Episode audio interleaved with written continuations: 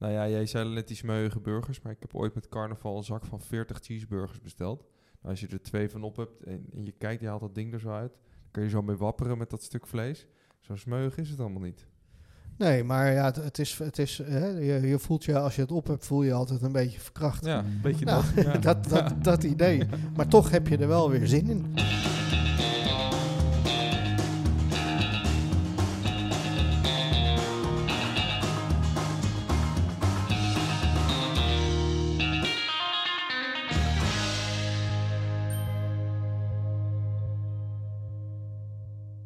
Alright, welkom bij Don't Be a Penguin, de podcast over positioneren. McDonald's, de grootste fastfoodketen ter wereld. Dat is het merk waar wij vandaag onze aandacht op vestigen.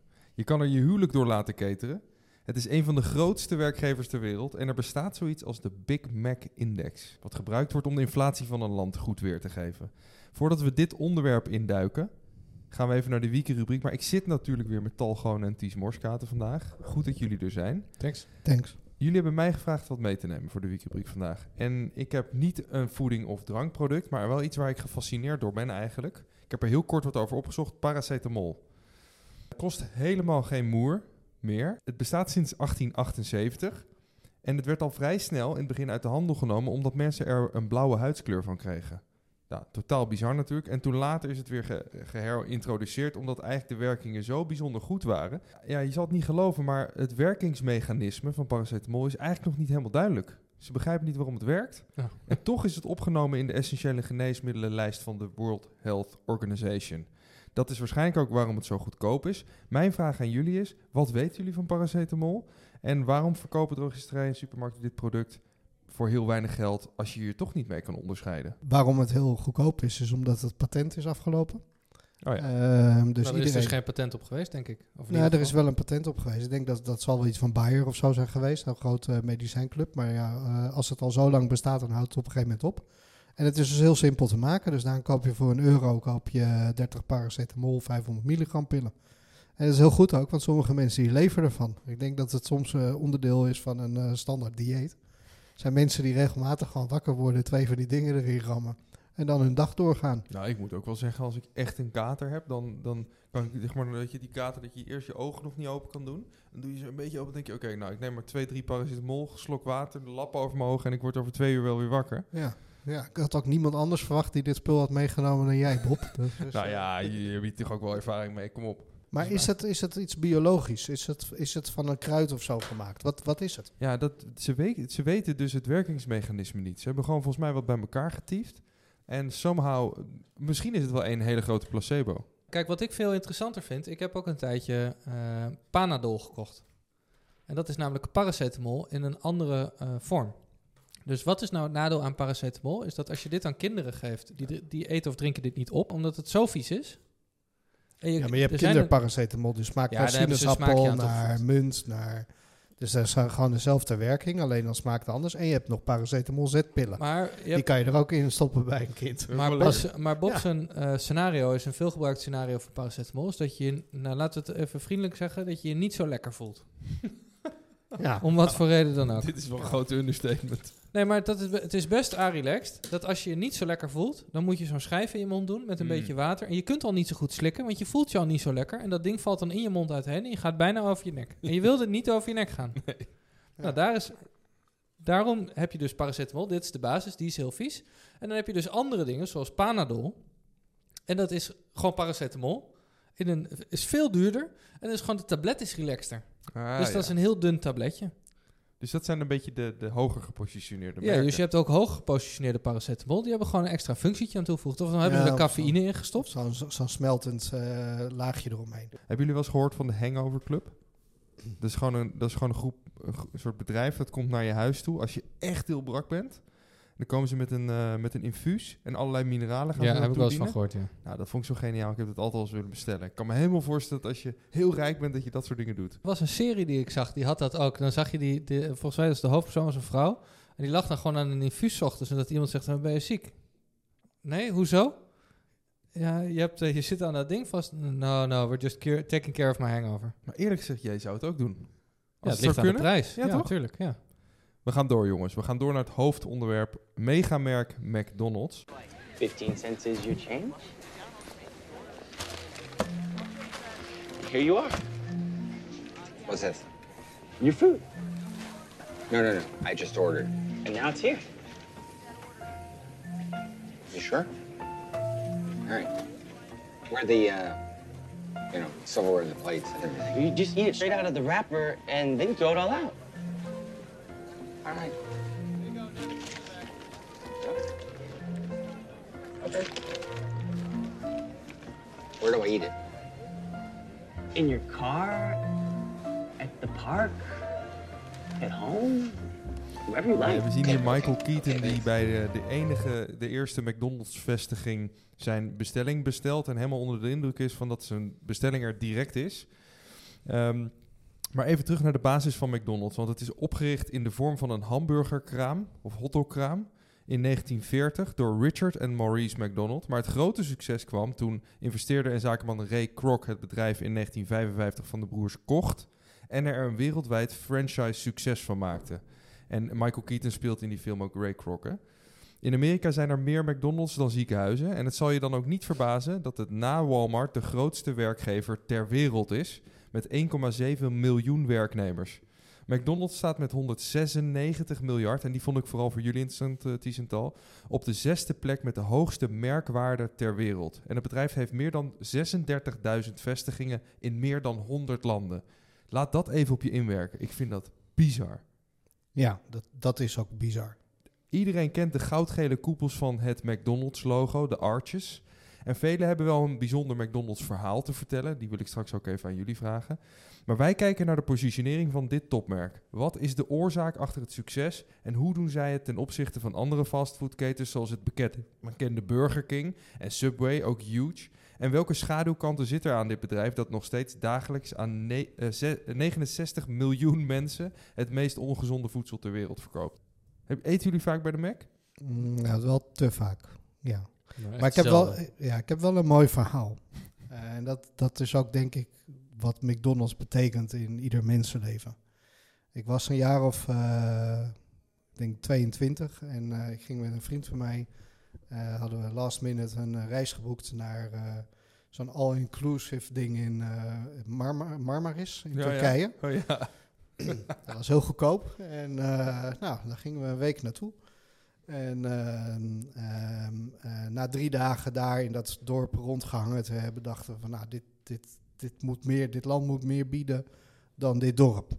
Dus toen zijn we een jeep gaan huren om het eh, binnenland in te trekken. We hadden bedacht, we gaan naar de Pamukkale zoutvlakte. Ik weet niet of ik het goed nog uitspreek. nou, je Maar dat was een soort zoutbad, daar kon je dan ook naartoe. En je moet je voorstellen, we hadden geen mobiele telefoons in die tijd Mhm. nog. Dus je, je moest het gewoon doen met de borden op de weg en een kaart en een, en een idee van een kant die je opging. voelen Nou, een beetje aankomen. We hadden echt uren en uren gereden en gereden. En overal zag je wel van die uitbaterijen waar ze dan eten verkochten. Maar dan zag je gewoon zo'n haak waar een dier aan hing. En, en ja, dat kon je dan gaan eten, maar dat deden wij niet. Maar ja, aan het einde van de dag we hadden echt berenhonger, want we hadden dus nog niks gegeten. En het begon echt kaart te regenen, we waren in een soort stad. En, en omdat het zo hard regende, stond er ook gewoon een halve meter water in de straten daar. Dus het was echt, het was echt mayhem. Het was echt gewoon... En we hadden honger en we waren gestrest en wisten niet waar we naartoe moesten. Het was echt één groot drama. En toen reden we een soort plein op en daar zagen we de, de, de Golden Arches. Ik heb daar toen echt, ik denk, eh, zes hamburgers en vier Big Macs en eh, twee quarter pounders gekocht. en die hebben we echt opgegeten ook, Oh, dat omdat we echt- zo'n honger hadden. En dat is McDonald's. Ja. Je weet wat je krijgt. Je weet wat je kan verwachten. Die, die hamburger daar, die smaakt precies hetzelfde als die hamburger hier.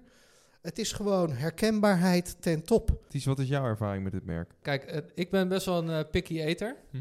En ehm, als ik naar de McDonald's ga, dan bestel ik altijd een hamburger zonder groenten. Ik wil brood, vlees, saus, kaas, bacon. Dat wil ik er graag op. En al het andere niet. Geen komkommer. Nee, geen komkommer. Geen sla. Nee, ook geen sla. Ook geen tomaat. Oké. Die vrouw die komt aanlopen. Die zet die burger zo voor me neer. En die zegt tegen mij, is niet gezond hè? Huh? Ja, ja, dat er geen slaap Dus zat. de vrouw, omdat er geen sla op zat. Dus die... die nou, ik, Maar zij Nee, dacht dus, echt eh, dat ze gezond eten Ja, verkocht. zij dacht dat die sla, het blaadje sla of maken. die komkommer bij wijze van spreken. Volgens mij staat dat er niet eens op. Volgens mij ging het om een, om een soort van zo'n augurkje en iets van een uitje of zo. Ja, precies. Maar wat doet zo'n zo'n merk tussen die de topmerken als Apple? Gewoon zo'n eigenlijk zo'n fastfoodmerk. Nou, de grap is een beetje, want ik heb, ik heb daar ook naar gekeken. Van wat is nou de merkwaarde en hoe wordt dat nou gepercipieerd? Is, eh, McDonald's is een ten tijde, en dat is niet eens zo heel lang geleden, nog geen... Volgens mij was het in 2005 was McDonald's waardevoller dan Coca-Cola. En stond McDonald's gewoon op nummer 1 in de wereld. En het is dus pas iets van de afgelopen 10 jaar dat die techmerken er allemaal boven staan. Hè? Dus het feit dat nu Apple, Google, Facebook, Microsoft, Tesla, Ja? volgens mij is dat de top 5. Ja. Nou, die staan gewoon boven Coca-Cola en daarna ergens McDonald's. Ja. Dus eh, eigenlijk is het eigenlijk is het meer het omgekeerde hè, van wat is er gebeurd in de wereld dat al die techmerken er tegenover zijn gaan staan. Want, want we hebben het hier over McDonald's, een merk wat gewoon wereld 40 40.000 vestigingen over de hele wereld. Ja. De- zij zijn na Coca-Cola misschien het merk wat de meeste mensen kennen. Maar wat is het, wat is de, de, hebben zij een visie op de toekomst? Nou, wat interessant is van de positionering van McDonald's is dat hij nog steeds staat als een, eh, als een huis. Je had in, eh, in Amerika in de jaren 60 had je zeg maar de, de, de upper class, hè, de rijke mensen. Ja. En je had de arme mensen en je had een hele grote middenklasse. En eigenlijk heeft McDonald's een soort concept, een soort franchise, een soort concept neergezet. Waarin ook de middelklas het kon gaan maken.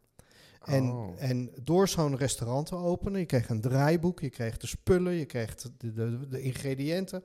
Je kreeg alles al aangereikt, inclusief een handleiding, hoe je een bedrijf kan bouwen. Oh, zo bedoel je En dat. Ja. op die manier kon dus de middelklas, die kon dus in Amerika eh, een bedrijf bouwen, ondernemer zijn en dus inderdaad groeien naar hè, de topklasse. Want er zijn natuurlijk hele rijke franchise-nemers van McDonald's. Want je kon een vestiging openen, dan kon je kopiëren, kon je kopiëren, kopiëren, Ja. kopiëren. ja. ja. En zij financierden ook dat vastgoed. En volgens mij bezitten ze nog een heel groot deel van al het vastgoed. Dus zij helpen jou ook als middelklas ondernemer die iets wil starten. met de aankoop van de grond en, de en het, en het eh, opzetten van de, van de vestiging, zeg maar. En doordat je dat doet, zag je in die community. want er moeten 30, 40, 50, 60 mensen in zo'n bedrijf werken. Dus ook weer in de buurt van die McDonald's zorgde dat voor werkgelegenheid. De family values zijn nog steeds centraal. Dus de family, als family kun je, als middelklas family kun je eh, omhoog komen. Maar de family value staat nog steeds centraal. Een van de laatste commercials die ik zag, dat ging over een jong eh ouderpaar. Die waren net vader en moeder geworden. En eh, die gingen voor het eerst op stap met elkaar. En dat was een hele mooie commercial, vond ik. Ik vond het fantastisch gemaakt. Dus wat zag je? Je zag opa en oma, die kwamen in huis en die gingen dan op de kleine passen. En zij gingen dan, ze hadden een avondje stappen gepland, maar in plaats van daarvan gingen ze met de auto naar de McDrive. Ze gingen daar eten halen en ze gingen eigenlijk voor hun huis parkeren, zodat ze naar binnen konden kijken eh, dat het allemaal goed ging. Lief. Een avondje uit, een familieaangelegenheid, dus familie, community, al die facetten, dat is nog steeds McDonald's. Ja. En dat zit er nu nog steeds in. Nou, dat is de positionering, de family value, de community. En, daarom, en, en, en, het, en het eten en het drinken is het, is het vehicle eigenlijk om dat mogelijk te maken. McDonald's is natuurlijk, is natuurlijk een enorme marketingorganisatie, maar die zijn primair gericht op, op het empoweren van die franchise-nemers. Mm. Eh, die franchise-nemer op de juiste manier in zijn kracht zetten. Maar het- wat mijn vraag is eigenlijk, denk je dat ook in die onafhankelijke communities over de hele wereld, in, in die duizenden en duizenden vestigingen, eh, zien die communities zo'n McDonald's echt nog als zo'n zo'n zo'n plek voor de familie waar je gaat eten met elkaar, waar je mensen tegenkomt? Ja, ik denk nog Dat steeds, denk ja. ik ook wel, ja. Ja. Ik las een verhaal over een, een van die MBA'ers. Het zal een Shaquille O'Neal of zoiets geweest zijn.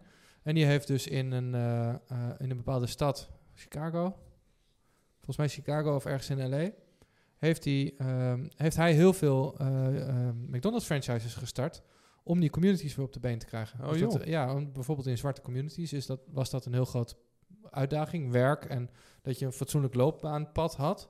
Nou, dat heb je bij McDonald's natuurlijk wel. Ik ging er ook wel een beetje negatief in van ze verkopen alleen maar zooi. En dat blijven ze doen. Maar wat je eigenlijk gewoon ziet is dat het, het is natuurlijk een aardsconservatief Amerikaans bedrijf. Ja. En die zijn gewoon niet zo veranderingsbereid. En die zijn ook niet zo geneigd om heel snel te veranderen. Maar als ze iets doen, dan doen ze het vaak best wel goed. Maar wat ik wel eh, interessant vond, en ik heb dus ook hun corporate website bestudeerd om eens te kijken van joh, wat is nou hun strategie? Wat is nou hun ontwikkeling als merk zijnde? Je kan overal nu, waar je ook bent, kan je online eh, McDonald's bestellen en Ja. thuis laten bezorgen. Als je daar binnenkomt, dan moet je op zo'n gore paal. Hè, ik vraag me altijd af, daar hebben dus mensen, dan moet je dus gaan bestellen. En dan moet je dus op zo'n ding gaan duwen. En vervolgens vreet je met je handen. Ja. Maar ook zeg maar de, de digitalisering en de technologie. AI. eh, ze hebben AI hebben ze, eh, toegepast en spraakherkenning bij de McDrive. McDonald's is gewoon, gewoon een landmark in de Amerikaanse Ja. cultuur. Cultstatus Het is gewoon een Maar wereldwijd cultstatus. ook wel. Ik weet nog wel dat ik op mijn... Toen was een ding in onze vriendengroep dat als je je rijbewijs net had... dan moest je achteruit met je vrienden door de McDrive. Ja, dat soort Dat, dingen. dat soort zaken. Ja, dus, maar in films, in, in, de, in de pop, in de, in, in, in- overal in de muziek, Ja. overal zie je McDonald's. Ze zitten natuurlijk op bepaalde landen nog, nog niet. Is dat gewoon de groeistrategie voor het merk? Gewoon in alle landen zitten en... en hè? Nou, het is, het is eigenlijk wel verwonderlijk. Kijk, je hebt, je hebt, elk land heeft een eigen eetcultuur. Het is zo verwonderlijk dat een McDonald's naar zo'n land toe gaat en daar successen boekt. Hoe kan het zijn dat je een Fransman McDonald's laat eten? Ik denk dat wij een enorm op, Amer- op Amerika gerichte cultuur zijn. Vanaf dat wij jong zijn, maar ook van dat jij jong was. Enorm Amerika gefocust. De laatste jaren is dat wat minder. Hè, laten we zeggen dat de laatste tien jaar denken we al, ja, eh, met die gekke Trump en Zeker. al die andere rare shit met al die rare oorlogen. Dus hoe gaan ze. dit vasthouden? Nou, ik denk dat nog steeds de eh, American values, en dat zijn dan de American family values, maar ook de Amerikaanse, de American dream, weet je wel. Ehm, ik denk dat dat een deel is van de aantrekkingskracht van McDonald's. Dus het feit dat daar die McDonald's M op, eh, nou ja, het Rode Plein nu niet meer, maar hè, whatever, ergens in Iran misschien ook niet. Maar, noem, maar noem, noem in de zandbak zijn er genoeg steden waar je in één keer komt en dan staat er toch die McDonald's M. En dan zullen ze geen varkensvlees serveren, maar daar kun je nog steeds een Big Mac halen. Ja. En da, da- dat staat symbool ook voor, voor de Amerikaanse welvaart en, en kwaliteit. Ook al is het een niet het beste Toch wel eten. nog. Ook Ja, al is Amerika niet meer welvaart en... eh, Nee, ik denk nog steeds dat, dat die connotatie heeft het nog steeds. En eh, ja, eh, is het een risico dat, dat Amerika, zeg maar, de, de positie van Amerika afzwakt in de wereld en heeft dat dan ook invloed op McDonald's? Ja, ik denk wel degelijk. ja. Ja, en, en, en ze, ze spreken zelf als ze het over hun bedrijfsvoering hebben en alle vestigingen, 38.000 wereldwijd. Mhm. Dan spreken ze zelf over de system. Hè? En alles is een systeem bij hun. Want ik zat er net over na te denken, hoe komt het dat we dat dan adopteren? En dat we daar toch gewend aan raken aan de, aan de smaak van McDonald's en dat we dat accepteren? Dat komt natuurlijk omdat ze op hele vroege leeftijd al eigenlijk gaan indoctrineren. ja.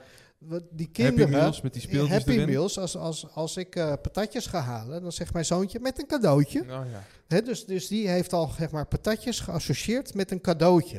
Ik zeg nee, we gaan naar de patatjes zonder cadeautje, weet je wel. En, en je had vroeger, eh, misschien nog wel steeds, je kan je kinderpartijtje vieren bij McDonald's. Je hebt Ronald McDonald, hè, die clown die jou een ballon geeft. Ja. Je hebt eh, de speeltuin bij McDonald's. Alles is, is erop geënt om eigenlijk van jongs af aan die kinderen al zeg maar gewend te maken aan het merk McDonald's. En misschien gaat dat er wel gewoon nooit meer uit. Het is Dus dat- verslavend ook voor het- ouders. Want je geeft gewoon- je kinderen gewoon die dopamine rammer. En je bent er een tijd vanaf. Ja, ja, en die kinderen vermaken zich. En die kinderen die schreeuwen en die gooien en die, die, die krijsen. En, en, en, en die, en het is allemaal smerig. Maar bij McDonald's is het oké. Dus, dus het is eigenlijk een soort indoctrinatie die een leven lang duurt. Eh, Als merk zijnde. Wat natuurlijk ja, extreem knap is om Ja. dat eh, voor elkaar te krijgen. Nou, ik wil jullie uitdagen om allebei eens een keer op een zaterdag bij McDonald's in Hoorn of zo te gaan zitten buiten. Als het dan... Dan rijd ik nu te- tegenwoordig vaak langs. Hoorn, dat is verschrikkelijk. My god, hé. De McDonald's hoorn is Ja, verschrikkelijk. maar er zit er zo'n speeltoestel en je, je let ik 10, 12 van die kinderen in dat speeltoestel. Ik weet niet wat ze daar binnenin aan het doen zijn, maar het lijkt net alsof ze elkaar aan het slachten zijn. Ja, Nou ja, goed. ja wie weet. Nou, dat was hem. Wil je meer weten over positioneren? Over het merk McDonald's heb je opmerkingen of aanmerkingen over wat we net besproken hebben. Zijn, jullie het gewoon helemaal niet met ons eens? Of misschien wel en wil je gewoon even een reactie geven? Mail naar don'tbeapenguin.merkelijkheid.com of laat een comment achter ergens op YouTube. Heel erg bedankt voor het luisteren en het kijken. Tal, Ties, bedankt en tot de volgende. Ja, bedankt.